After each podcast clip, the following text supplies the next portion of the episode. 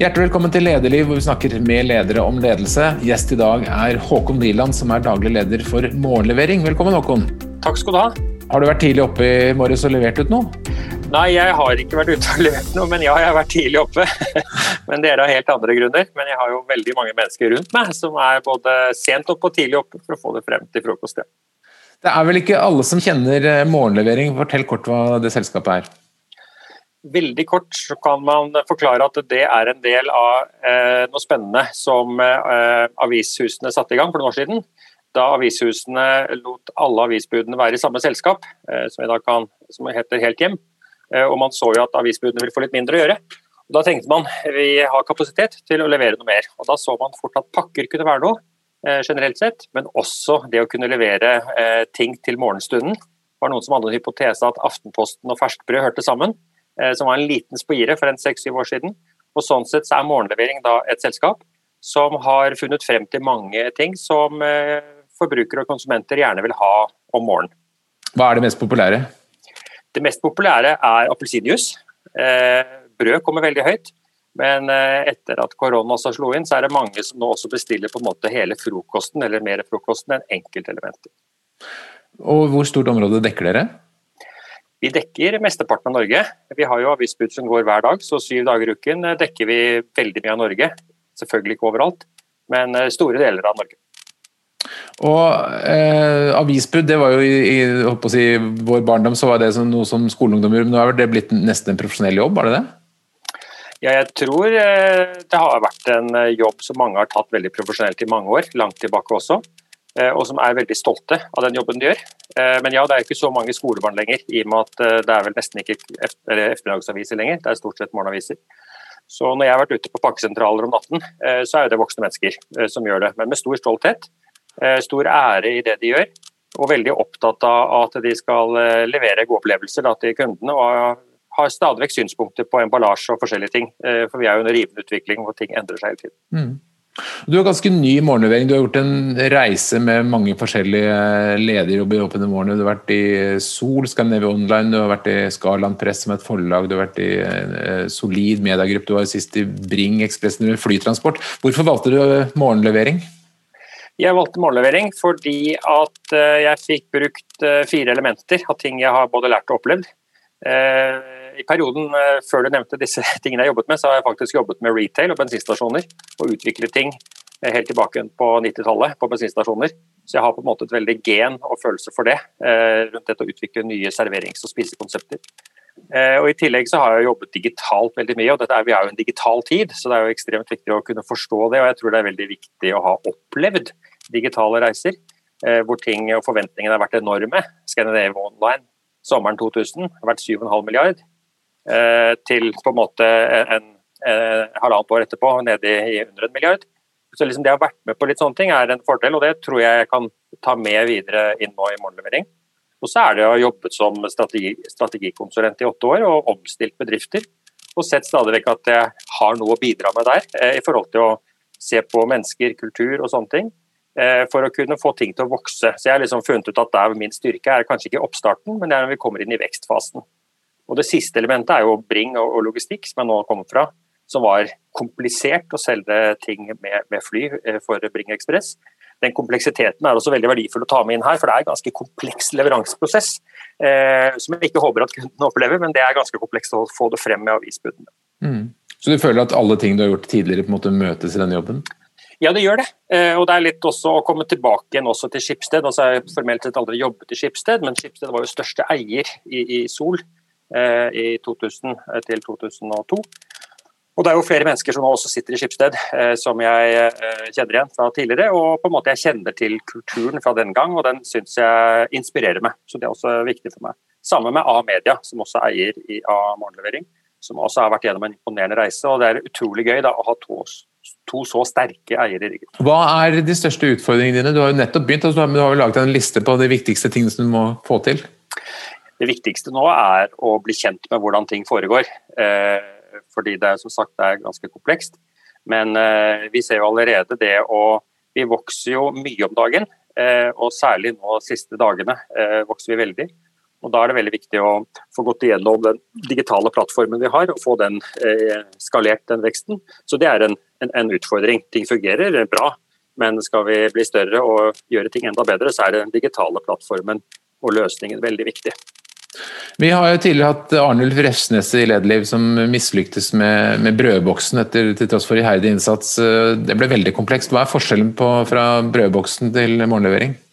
Eh, jeg kjenner ikke brødbokscaset så veldig godt, men allikevel det jeg har fanget opp og fått med meg, er jo at de var eh, tidlig ute. Så kanskje timing var en utfordring for brødboksen eh, kontra der vi er nå. Det har jeg erfart selv også tilbake igjen til Scandinavian Online-tiden. At det er mange som kan lansere ting, men litt for tidlig, og da når de ikke opp. Men så tror jeg Brødboksen hadde en veldig sterk visjon men, og hadde veldig fornøyde brukere. De investerte veldig mye. Så jeg virker som det knakk litt der, at det gikk litt vel fort frem i forhold til betalingsvilligheten. Det er jo sånn man ikke vet. så det er jo det, er jo det å ta med seg den erfaringen da, for oss nå, som man har fra den tiden, som vi bruker nå videre. Mm. Det ser ut på sidene deres som du øh, lanserer ganske bredt spekter av produkter? Ja, det har utviklet seg de siste fem-seks årene. og Vi kan jo bare ta eh, perioden i år. altså Etter at covid-19 eh, skjedde, da, på en måte 12. mars, som er vel den offisielle datoen, så så jo vi veldig tidlig at veldig mange kom til oss og ønsket mye forskjellig. Og så har vi sett størst behov for, og litt prioritering, at vi har laget større pakkeløsninger av frokost. Men også gaver ble ganske fort et ønske. Fordi at man da ikke kunne komme rundt til eh, venner og kjente og familie, og, og pga. at man var innestengt. Og Derfor ser vi at gavesegmentet vokser eh, veldig. Og det var nok da I våre så var det mye mer fra person til person. Men nå siste måneden eh, ser vi noen veldig bedrifter kommer og har behov for å gi gaver, også oppmerksomhet, da, til sine medarbeidere. Så Dere er blant de virksomhetene som har hatt en positiv effekt av korona? Vi har hatt eh, beskjeden sagt, ja. En eh, positiv effekt. Vi, vi vokser veldig. Men vi vokser også da med forskjellige områder som vi har prioritert i de forskjellige fasene. Så For å nevne akkurat disse dager nå, så er det jo bedrifter da, som oppdager at det ikke blir julebord eller får sendt ut julegaver, og ser at det vi kan bidra med er en opplevelse, en gave, gavekort, eh, som de kan gi til ansatte, men også ansatte som har gjort en god jobb over lang tid. Fordi man nå kan ikke møtes lenger som man gjorde før, til en middag, til et seminar hvor man eh, minglet. Mm. Så Det som også er litt gøy, er å se bedrifter som nå bestiller samme type pakke til de ansatte, eh, som da blir sendt ut, og som er på en måte starten på et kickoff i bedriften. Eh, jeg må selv bli forundret over at amerikansk pannekakerøre var såpass populær. Men den har, den har, veldig høy kvalitet, eh, og den er da veldig populær ved å sende rundt til de ansatte. Hvor de da deler samme morgen da, hvordan de har stekt pannekaken, hvordan det smakte. Og da oppnår man jo som leder egentlig det at man opplever ting sammen. Det er jo det man er ute etter ofte, en sånn kickoff eller en start. Mm. Så det er et eksempel på populær ting. Um, men eh, når du kom inn i morgenlevering som leder, du har jo da vært administrerende flere steder før, hvordan tenkte du at du skulle være som eh, sjef i bedriften? Det som er veldig viktig når man kommer inn på den måten, er å være ydmyk og forstå, særlig der hvor ting går bra, og det gjør det jo her forstå hvem som har gjort hva og hvorfor, og, og sette seg inn i det. Eh, og lære av det, eh, fordi her har man gjort en kjempejobb over lang tid. Eh, så det er, bruker jeg alltid tid på. Men det er også, lærefasen er jo å observere hva som blir sagt og hva som ikke blir sagt. Og hva man fokuserer på og ikke fokuserer på. Så Det er ofte typisk å se bedrifter som er i såpass hurtig endring, er at man av og til glemmer litt strategien. Altså man, man løser det som kommer inn, fordi det stadig vekk eh, kommer inn nye eh, behov, og det må løses veldig raskt. Men det er jo en av de observasjonene jeg har gjort, og det visste jeg på forhånd òg. Det er liksom å kunne prioritere å sitte litt i heisen eh, og jobbe frem en ny strategisk retning. For det er nok viktig for et sånt selskap når man går fra gründer til vekstfase. For uten en klar strategi som er gjennomarbeidet, så er det ikke så lett å prioritere. Så du balanserer det kortsiktige og langsiktige? Ja, Det er jo personlig en av de største utfordringene jeg syns som leder. Det er jo på en måte å ta unna hverdagen og være til stede eh, for menneskene. Men ikke glemme at man av og til må stille seg spørsmål hvorfor har vi så mye av denne type oppgave, eh, for å se på om vi skal jobbe annerledes strukturelt. Mm. Når du sier du lager en strategi, hva bør en sånn strategi inneholde, og hvordan bruker du den i det daglige? Eh, prosessen deler jeg ofte inn eh, med, i en fase først for å finne ut av hva vi burde gjøre og involvere mennesker. Eh, men veldig raskt prioritere ned til fire til seks eh, områder som er lett å forstå, og som alle ser er gjennomførbart, og hvilken retning vi skal gå. Men man vet jo ikke alltid helt hvordan man skal nå målet, så det er jo det man må bruke litt tid på sammen med medarbeidere. Da. Men jeg sikrer veldig at medarbeidere forstår hva vi har lagt opp til, og ikke bare at de nikker eh, rundt de ordene som blir sagt, men at de forstår det. og Sånn sett er en viktig del av det er jo eh, sette seg ned og jobbe sammen og, og, og, utvikle det sammen. Mm. Og Hvor mange mennesker har du på lag nå? I morgenlevering eh, fast så har vi 12 personer. Og så har vi 16 kveldsvakter eh, i tillegg på kundeservice. Og Når du da har fått laget strategien, hva, hvordan jobber du for å implementere den? Da jobbes det i grupperinger eh, med de forskjellige medarbeiderne. Men det er også eh, raskt å sette seg ned og, og, gripe fatt i de viktigste tingene. fordi som regel så er det mange ting man griper over. Så det blir gjerne to hovedting eh, som man fokuserer på å få gjennomført. Mm. Det, er det, det, er det, viktigste. Men i tillegg med strategi så er det jo det å følge med på markedet og hva som skjer rundt av nye vaner. Eh, fordi at det påvirker veldig hvordan ting utvikler seg. Så det er jo ofte sånn når en strategi er lagt, så er, det, er man nesten fort i gang igjen med å, å, å, se på hvordan ting har endret seg. Særlig når man eh, beveger seg så hurtig fremover som vi gjør nå. Men du, du sier Betydningen av, av, strategi betyr at du opplevde å være med i selskapet hvor strategien ikke har vært så tydelig, og hvor det har blitt et problem? Ja, det har jeg vel eh, gjennomgående. Særlig i den fasen de åtte årene jeg jobbet som konsulent alene. Så hadde jeg jo mange oppdrag, men av de tre største oppdragene så var jeg gjennomgående å komme inn for å hjelpe til med strategien. Eh, og så jobbet jeg gjerne tre-fire måneder med den, og så var jo den eh, laget og lagt. Og da var det jo fort å peke på meg, og så ble jeg jobbende der et år eller to for å gjennomføre den. Mm. Eh, og Gjennomføring også av strategi i bedrifter i større endring er jo ofte det å se på kompetansen til mennesker. Eh, er de de rette til å gjøre det vi nå skal gjøre fremover? Eh, som er en viktig oppgave som, som jeg ser som viktig. fordi at Noe av det viktigste jeg ser over strategien, er jo kulturen. Altså kulturen til å gjøre de tingene vi har blitt enige om den er eh, noe av det viktigste jeg søker etter å jobbe for å ha. At den er endringsvillig, at den er lærevillig, at man er nysgjerrig og forstår, eh, forstår eh, hvordan vi klarer å forflytte oss samlet. Mm. Hva gjør du for å skape den kulturen du vil ha i morgenlevering? Jeg som person eh, jobber veldig, eller er bevisst på å være åpen eh, mot menneskene. For, jeg, for, meg er det menneskene som er det viktigste. Og det å være åpen og, og lytte Eh, å jobbe sammen med mennesker. Og det som gleder meg ofte mest, er å se mennesker som eh, jeg kan eh, bidra til at de utvikler seg. Eh, og, og, det er jo viktig for å få gjennomført strategien. Eh, så da er det jo det å, å bruke tid på de menneskene og, og, hjelpe til hvordan de kan utvikle seg til å løse de oppgavene som vi har eh, ønsker at de skal gjøre. Du har vært administrerende flere steder. Er det, er det noen spesiell opplevelse som du tenker liksom har formet ditt lederskap? Noe som har preget deg som leder? Det var overgangen fra Hydro Texaco, eh, som var eh, to tunge eh, oljeselskap, Hydro og Texaco, med hver sin historikk og mørke dresser og, og veldig bra. veldig, veldig strukturert og ordnet. Det var veldig fint å komme fra siviløkonomstudiet over der i fem år. Men jeg må nok si at det første året i Scandinavia Online, sommeren 2000, å komme inn da fra et så strukturert verden til en slik verden hvor det var hopp og sprett. og jeg spurte jo flere ganger hvorfor vil dere ha meg, som har utviklet uh, pølsekonsepter og kaffeavtaler på bensinstasjoner, som da i seg selv var fremoverlent. Men det var i hvert fall to ord jeg husker som ble gjentatt. Det var på en måte at jeg er strukturert, og jeg er veldig kommersiell. Så Det var jo to elementer jeg tok med meg til Scandinavia Online.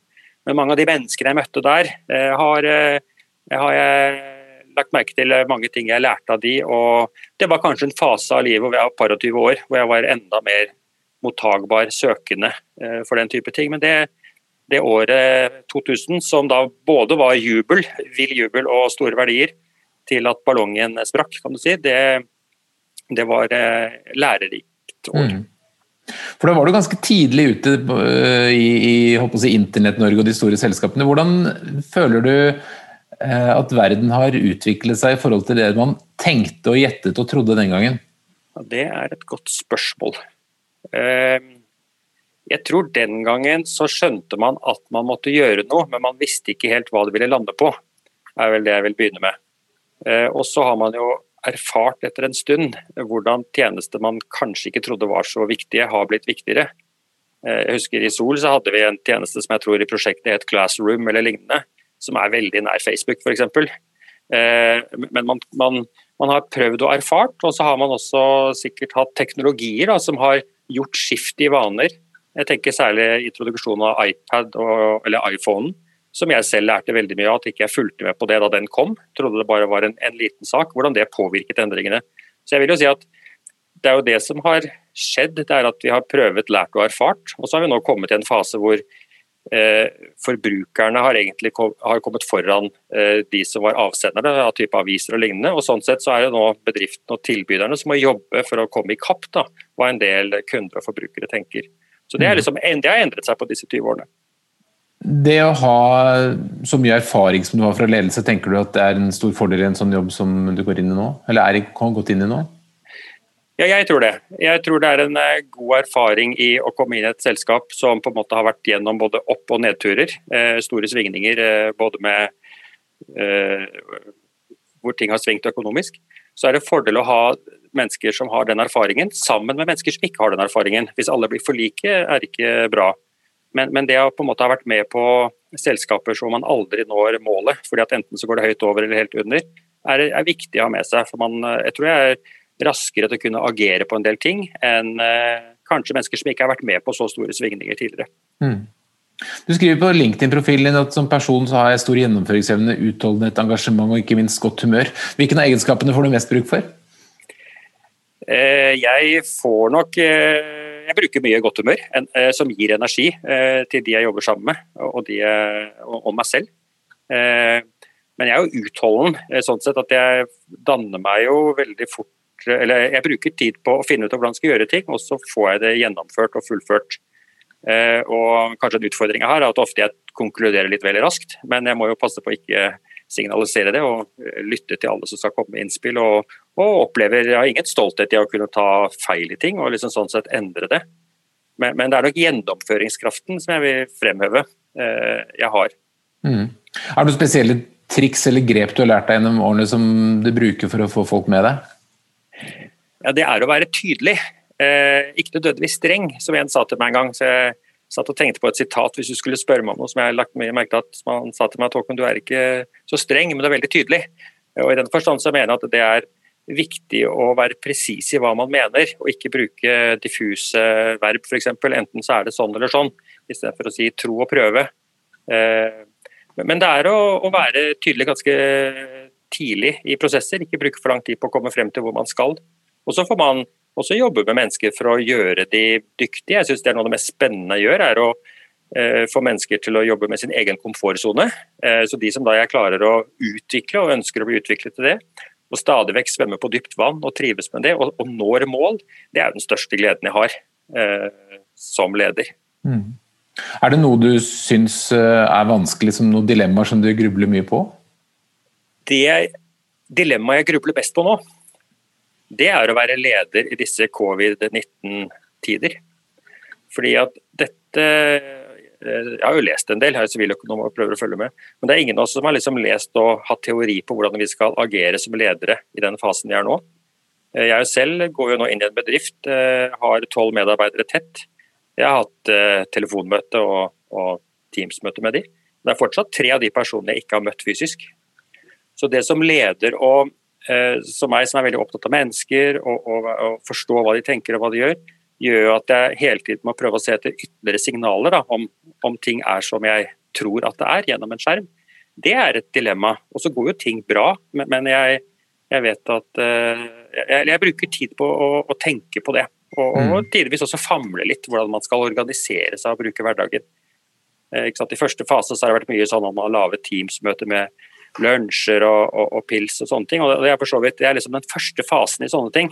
Nå, nå tenker jeg på videre det, hva som skaper et genuint engasjement og, og ja, at man, man, man, trives på jobben. Det, det tenker jeg på. Mm. Nå er det en relativt liten virksomhet, da, men det er jo et, innenfor et veldig spennende område. Hvor stort ser du for deg at dette kan bli? Vi kan bli eh, veldig store. Eh, nøyaktig noe sum har jeg ikke nødvendigvis lyst til å gå ut av, men selv om jeg er en liten virksomhet, så sitter jeg jo veldig tett på den divisjonen i Skipsted som heter distribusjon og e-commerce. Så de to ordene som ligger i det navnet, sier veldig mye. Vi er jo en veldig stor distribusjonsenhet eh, som distribuerer både altså rundt avisbudene og lignende. Og rundt dette også med e-commerce er jo på en måte et samlebegrep for ja, tjenester og nettsteder som Skipsted satser på. og det, Der er vi ganske, ganske stort miljø. Så jeg tror samlet den muskelkraften Skipsted har både og A-media har eh, rundt disse satsingene, gjør at vi kan vokse betydelig. Alene hadde det vært mye tøffere, men det at vi har det i ryggen, gjør at eh, vi kan bli betydelig større enn det vi har i dag. Dette med å handle digitalt og få det kjørt hjem har jo blitt veldig stort i USA bl.a. Hvor, hvordan ser du for deg at dette kommer til å utvikle seg i Norge i årene fremover? Det tror jeg kommer til å bare øke. Eh, fordi at vi blir, vi blir, vant til hvor lett det er eh, når det først eh, fungerer, å få det hjem. Og så særlig disse fasene hvor vi må sitte mer hjemme eller ikke kan komme på kontoret. Så har det skjedd et ordentlig skifte, hvor vi kommer til å venne oss til mer å få ting levert hjem. Og Da er det jo på en måte kampen mellom distributørene, når på døgnet og hvordan de kan levere, og med hvilken sporbarhet, tror jeg, altså synlighet, hvor er akkurat den tingen jeg har, som kommer til å være avgjørende. Så jeg, jeg tror det blir veldig viktig, altså Hastighet er selvfølgelig viktig, og det vil alltid være. og Jeg, og jeg kommer fra et annet miljø før jeg kom inn her, som også det var veldig viktig. Men jeg tror også etter hvert at eh, sikkerhet på at det kommer og når det kommer, er vel så viktig eh, etter hvert enn bare hastigheten. Fordi at det, vi vil ha en trygghet på at det kommer om, om det kommer om to eller tre timer eller fire eller i morgen tidlig. Det er viktigere å vite at det sikkert kommer, enn at, eh, enn at man bruker mye tid på å administrere for å være hjemme akkurat når noe kommer. Mm. Yeah. Amazon er jo den store aktøren i USA, og de har begynt å etablere seg i Norden. Tror du vi kommer til å se dem eh, i norske hjem i løpet av kort tid? skal jeg være veldig forsiktig med å spå for mye om sånt, men de har jo en konsept og et opplevelse som amerikanske markedet har blitt veldig vant til. Og det har vel også store land i Europa hvor det er stor tetthet på befolkning. Så, men de, de vil, vi vil helt sikkert se de på en eller annen måte eh, i vårt marked også. Eh, om hele konseptet rulles ut, det tør jeg ikke å si, men de vil i hvert fall sette en standard som en oss, som, som vi forbrukere vil venne oss til. Eh, selv opplever det å bestille omtrent samme vare fra Amazon eh, i Europa og har det hjemme 18 timer etterpå. Og bestiller samme vare fra en norsk nordisk aktør, og det går fem dager før jeg får den hjem. Og jeg får heller ikke nevneverdig godt med beskjeder. Så det er liksom vidt forskjellige kundeopplevelser som gjør at Amazon vil, ha, vil være med på å sette en ny standard. Og så er jo ikke Amazon bare det å få vare hjem, det er jo på en måte en plattform. Altså det, er jo, det, et, altså det er jo innhold av, av, av levende bilder, det er lagring. Så det er på en måte en ny, igjen en ny sånn dimensjon som kommer inn. Men jeg ser bare positivt på det. Det vil bare sette fart på utviklingen i det norske markedet. Men tror du dere og alle andre norske aktører klarer å, å stå imot, eller blir det til at en internasjonal aktør tar denne kaka? Ja, så stå imot, Jeg tror ikke det er det det dreier seg om. Jeg tror det bidrar til at det er flere av oss som får nye vaner. Og så vil vi som forbrukere eh, bruke den beste løsningen ut fra tidligere erfaring og den situasjonen man er i. Eh, så jeg har veldig tro på at det bare kommer til å øke gleden for forbrukerne. Så det blir opp til oss som tilbyr det, da, å tilfredsstille de behovene som forbrukerne har. Hvem er det som blir vinner og taper i den endringen som skjer? Det vil sikkert være mange ting, men jeg tror det er viktig å tilpasse seg brukernes forventninger og vaner. Eh, det er, de som sitter med makten nå. Mm. Og, og ha teknologi som de forstår og bruker. Eh, og så tror jeg også at en del forbrukere vil ikke shoppe rundt og bruke forskjellige apper eh, hver gang det dukker opp et nytt tilbud. Det er liksom litt tilbake igjen til soltiden, at når du først har fått en, en god tjeneste, så skal du virkelig være eh, veldig mye bedre for at man da vil ta i bruk en ny tjeneste eller app. For man legger jo igjen eh, informasjon, handlevaner og, sånne ting. Men eh, det blir spennende å se. Jeg, det blir spennende å se. Men tror du vi kommer til å se at det går veldig mye utover tradisjonell varehandel? Butikk, kjøpesenter? Ja, det vil jo påvirke eh, varehandelen. Eh, men de har jo også et eh, De må jo da se de mulighetene som dukker opp. Eh, gjennom eh, at eh, generelt sett at, at, vi som forbrukere handler mer over nett og ikke hos bakeren. Så jeg kan jo nevne et eksempel fra, fra vår verden. at vi har jo da aktører som uh, leverer bakevarer inn i vår tjeneste, som har valgt å tenke at det digitale er viktig, og kanskje ikke stå igjen på perrongen.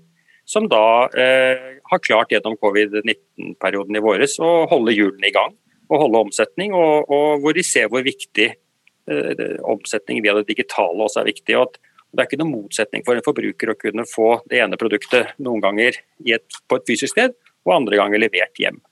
Så, så, jeg tror det er viktig for, eh, for retailere å eksperimentere litt og, og, prøve å feile, og ikke sitte og vente. Mm. Er det noen mønster i hvem som er kunder hos Morgenlevering? Er det noen type husstander, eller er det menn eller kvinner, eller unge eller gamle? Hvem er det som er liksom mest ivrig på å bestille ting på døren? Vi har forskjellige kategorier. Eh, en gruppe som ikke jeg var klar over, det er jo faktisk en god del som abonnerer på en del produkter fast. Eh, både brød to og tre ganger, alt etter hvor mange barn man har i husholdningen. Og Det har jeg begynt med selv, og det kan jeg ikke skjønne hvorfor ikke vi har gjort tidligere. Som andre barna, eller Familien får jo alltid da ferskt brød eh, som i hvert fall er ferskere enn om du hadde kjøpt i butikken dagen før, og det kommer regulært. Så det, på en måte, det er et segment, og det er et viktigste. Men så er det jo også eh, de som handler inn mot helgen, altså helgfrokost allerede fredag gjennom helgen, eh, som er en viktig gruppe. Og så er det de som ønsker å gi andre mennesker en gave. Nå er det selvfølgelig en del av disse elementene eh, fra de andre områdene, men det er det som skiller seg ut. Og så ser vi forbrukerne er, brukerne er ganske mange med barn. Eh, men også mennesker som ikke har barn i husholdningen, som er én eller to.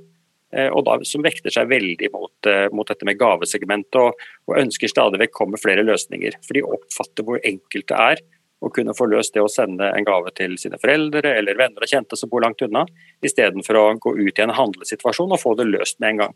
Så der er det store, eller ønsker på forskjellige ting da, som vi må se på. Mm. Er det inne i byene, rundt byene, på landet? Hvor er det folk handler mest? Det er spredt over hele landet.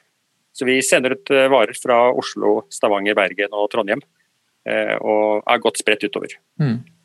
Hvis vi lar morgenlevering ligge litt, Du har jobbet mye med omstilling og er god på snuoperasjoner. Hva er eh, nøkkelen til en god omstilling? Det er først en analysefase. Å gjøre den selv. Selv om jeg blir fortalt den enkelte ganger når jeg har kommet inn i bedrifter, så må jeg oppleve den selv.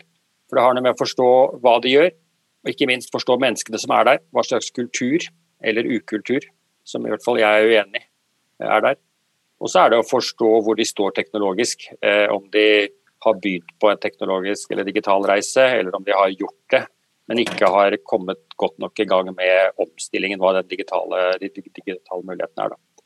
Så det er en innsiktsfase, men så er det ganske raskt å begynne å gjøre ting. og jeg har en sånn slogan ofte at uh, eh, istedenfor å si nei, sånn gjør vi ikke, men bare litt sånn sånn, gjør vi, sånn kan vi ikke ha det her. Vi må finne andre løsninger. Uh, for å, for å få starte på endringen. For de som da ikke ville være med, da må man finne en løsning på det. Enten eh, endringsmessig eller på andre måter finne en løsning på det. For det er noe av det viktigste å få organisasjonen til å bestemme seg for å være med på det. Det nytter ikke å ha for mange av de som sier at dette gidder jeg ikke å sitte med armene i kors. hva, hva er det du gjør for å få folk til å ha lyst til å være med på det? Jeg må jo selge inn og forklare det jeg mener er riktig for bedriften fremover. Eh, og Det er jo ikke alltid alle enig for man har gjerne historikk. og Det er lett å falle tilbake igjen når man blir utrygg på historikken, for det har man gjort tidligere. Så det må begrunnes og forklares hvorfor. Eh, men ofte det som er motargumentet er at dette har vi prøvd før, før din tid. Eller eh, underliggende signalisere at dette har jeg ikke lyst til å endre meg på, for jeg har gjort det såpass lenge. Så Det er krevende. Men det, men det må gjøres fordi hvis ikke man får endret de individene, så blir det vanskelig å få med de andre. Det å formulere en god visjon og noen verdier, er det et grep du bruker? Ja, det forsøker jeg eh, å bevisst, være bevisst på. Eh, og, og, få de til å forstå hva som ligger i denne visjonen. Jeg skal sikkert du utfordre meg nå på morgenlevering, men det er på en måte en prosess jeg står midt oppi. Men det er liksom det å gripe fatt i kanskje nå for morgenlevering. Er det, er det morgen? Er det levering? Eller er det morgenstunden?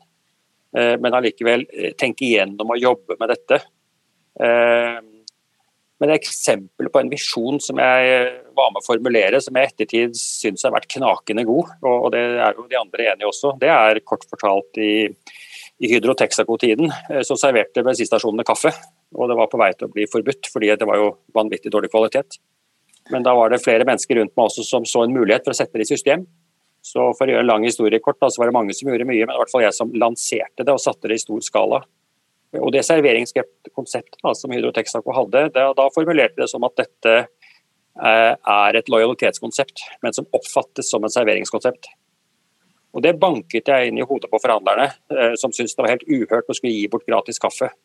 Men da kunne jeg dokumentere med at da i 98 så var det konseptet like høy lojalitet som gullkortet til SAS som da også hadde innenlandspoeng eh, på bonusen. Og på en måte forklarte at for hver 40-øring du gir bort av, av, kaffepulver, så får du 35 kroner omsetning og 38% margin. Så igjen liksom en god formulering som man kan forklare, Da skal det vanskelig å stå imot, da, mener jeg. Og det er, det er et eksempel meg, for meg hvordan jeg jobber etter å ha en sånn enkel visjon. Jeg kjøpte mange Hydro Texaco-kopper, det var bra. Ja. Husker du noe tall der? Hvor mange var det som hadde sånn kopp? Jeg husker veldig godt tall. Eh, vi hadde, og Det er et godt eksempel på hvordan jeg har sett eller senere også det å lansere nye ting. Særlig hvis det er litt motstand, men noen eh, lukter en suksess. Så gjelder det å teste det ut, og gjerne i lukkede former, så ikke alle får være med. For da når det begynner å bli suksess, så vil mange være med. Så det var, en, det var et sug inn eh, i hele Norge da noen Oslo-forhandlere hadde gjort en stund. Så vi var oppe i over 110 000 kopper, 2000, da jeg ga meg med det i Hydro Texaco. Og En annen læring jeg har fra det, det, det konseptet med, med, kaffeavtale, er at særlig i bensinstasjonsbransjen så var man liksom redd for at eh, konseptene kunne bli stjålet fra hverandre med permer. Men altså Man kan stjele så mye man vil. Det det går på er holdning og læring. Og det å på en måte ha et treningssenter rundt det med det man holder på med. Så det er jo det, det lærte jeg i hvert fall da, viktigheten. da, det, at det er ikke permene, men det er kulturen som avgjør hvor god suksess du har. Hvordan vil du at kulturen i morgenlevering skal være?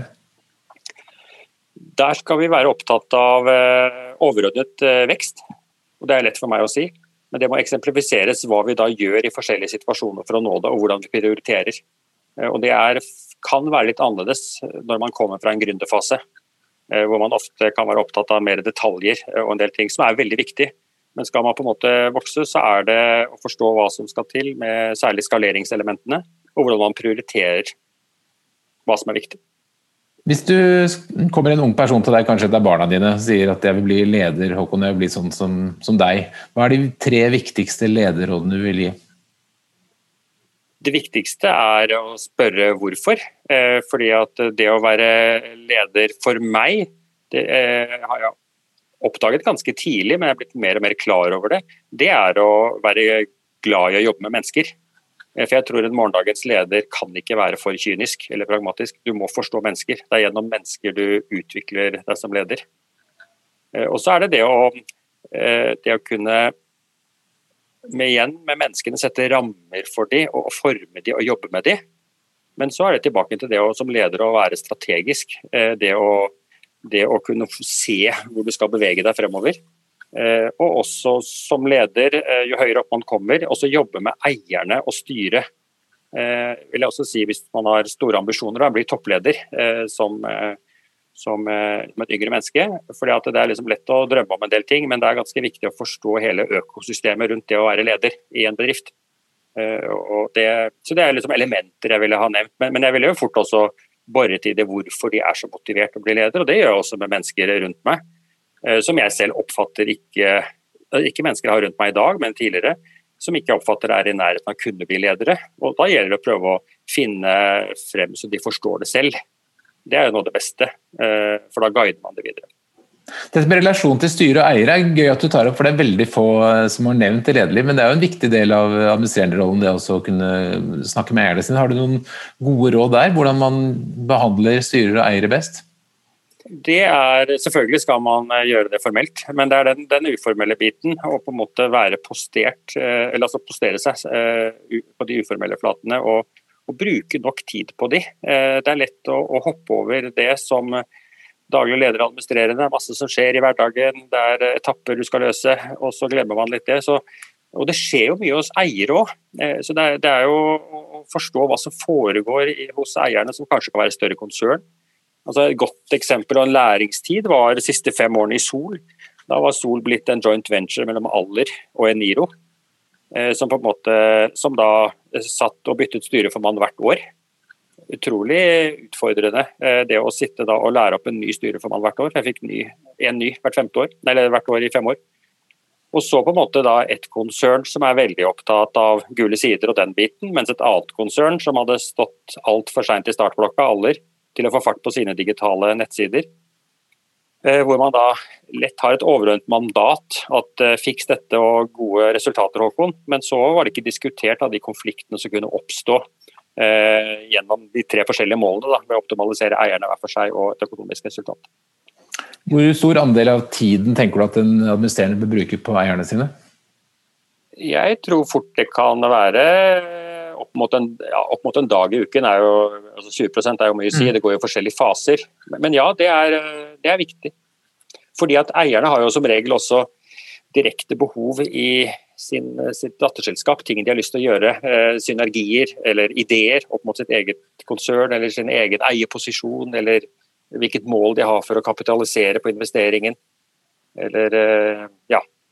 Så, så det å avstemme det har jeg erfart er, er, er, viktig for å lykkes. For da har man så mye mer backing på, på gjennomslag, og man bruker mindre tid på fremdrift enn å legge frem stadig vekk bare gode dokumentasjoner uten å avstemme det på forhånd. Mm. Veldig spennende perspektiv. Helt til slutt, Håkon, du skal få lov å reklamere litt hvis noen har lyst til å prøve morgenlevering og kjøpe noe eh, til eh, seg selv eller en annen i morgen. Hvilke produkter vil du anbefale? Jeg vil anbefale disse tider nå godt i kaffen. Så jeg syns jo personlig så er eh, croissanter min favoritt. Det hjelper sikkert en dash å ha bodd litt i Frankrike i ungdommen også, men jeg syns croissanter er veldig godt.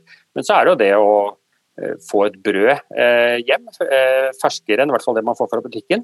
Eh, og så ville jeg nærmet meg helgen så ville jeg unnet meg en frokostpakke sammen med de jeg er glad i, eh, gjerne de jeg bor sammen med, og sendt også til noen jeg kjenner godt som du eh, har lyst til å overraske, og oppleve hvor glade de blir for å få det.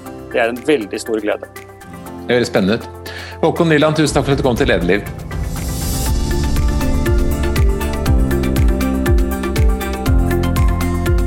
Lederliv er en podkast fra Apeland. Redaksjonen består av Ellen Paulsen, Lars Jarle Melum, Lars Volden meg, som heter Ole Kristian Apland. Hvis du vil høre mer, så trykk abonner. Da får du varsel når det kommer nye episoder. Og hvis du har noen tips, så send en e-post til tips at eller til meg, ole.apland.no. Takk for at du lytter.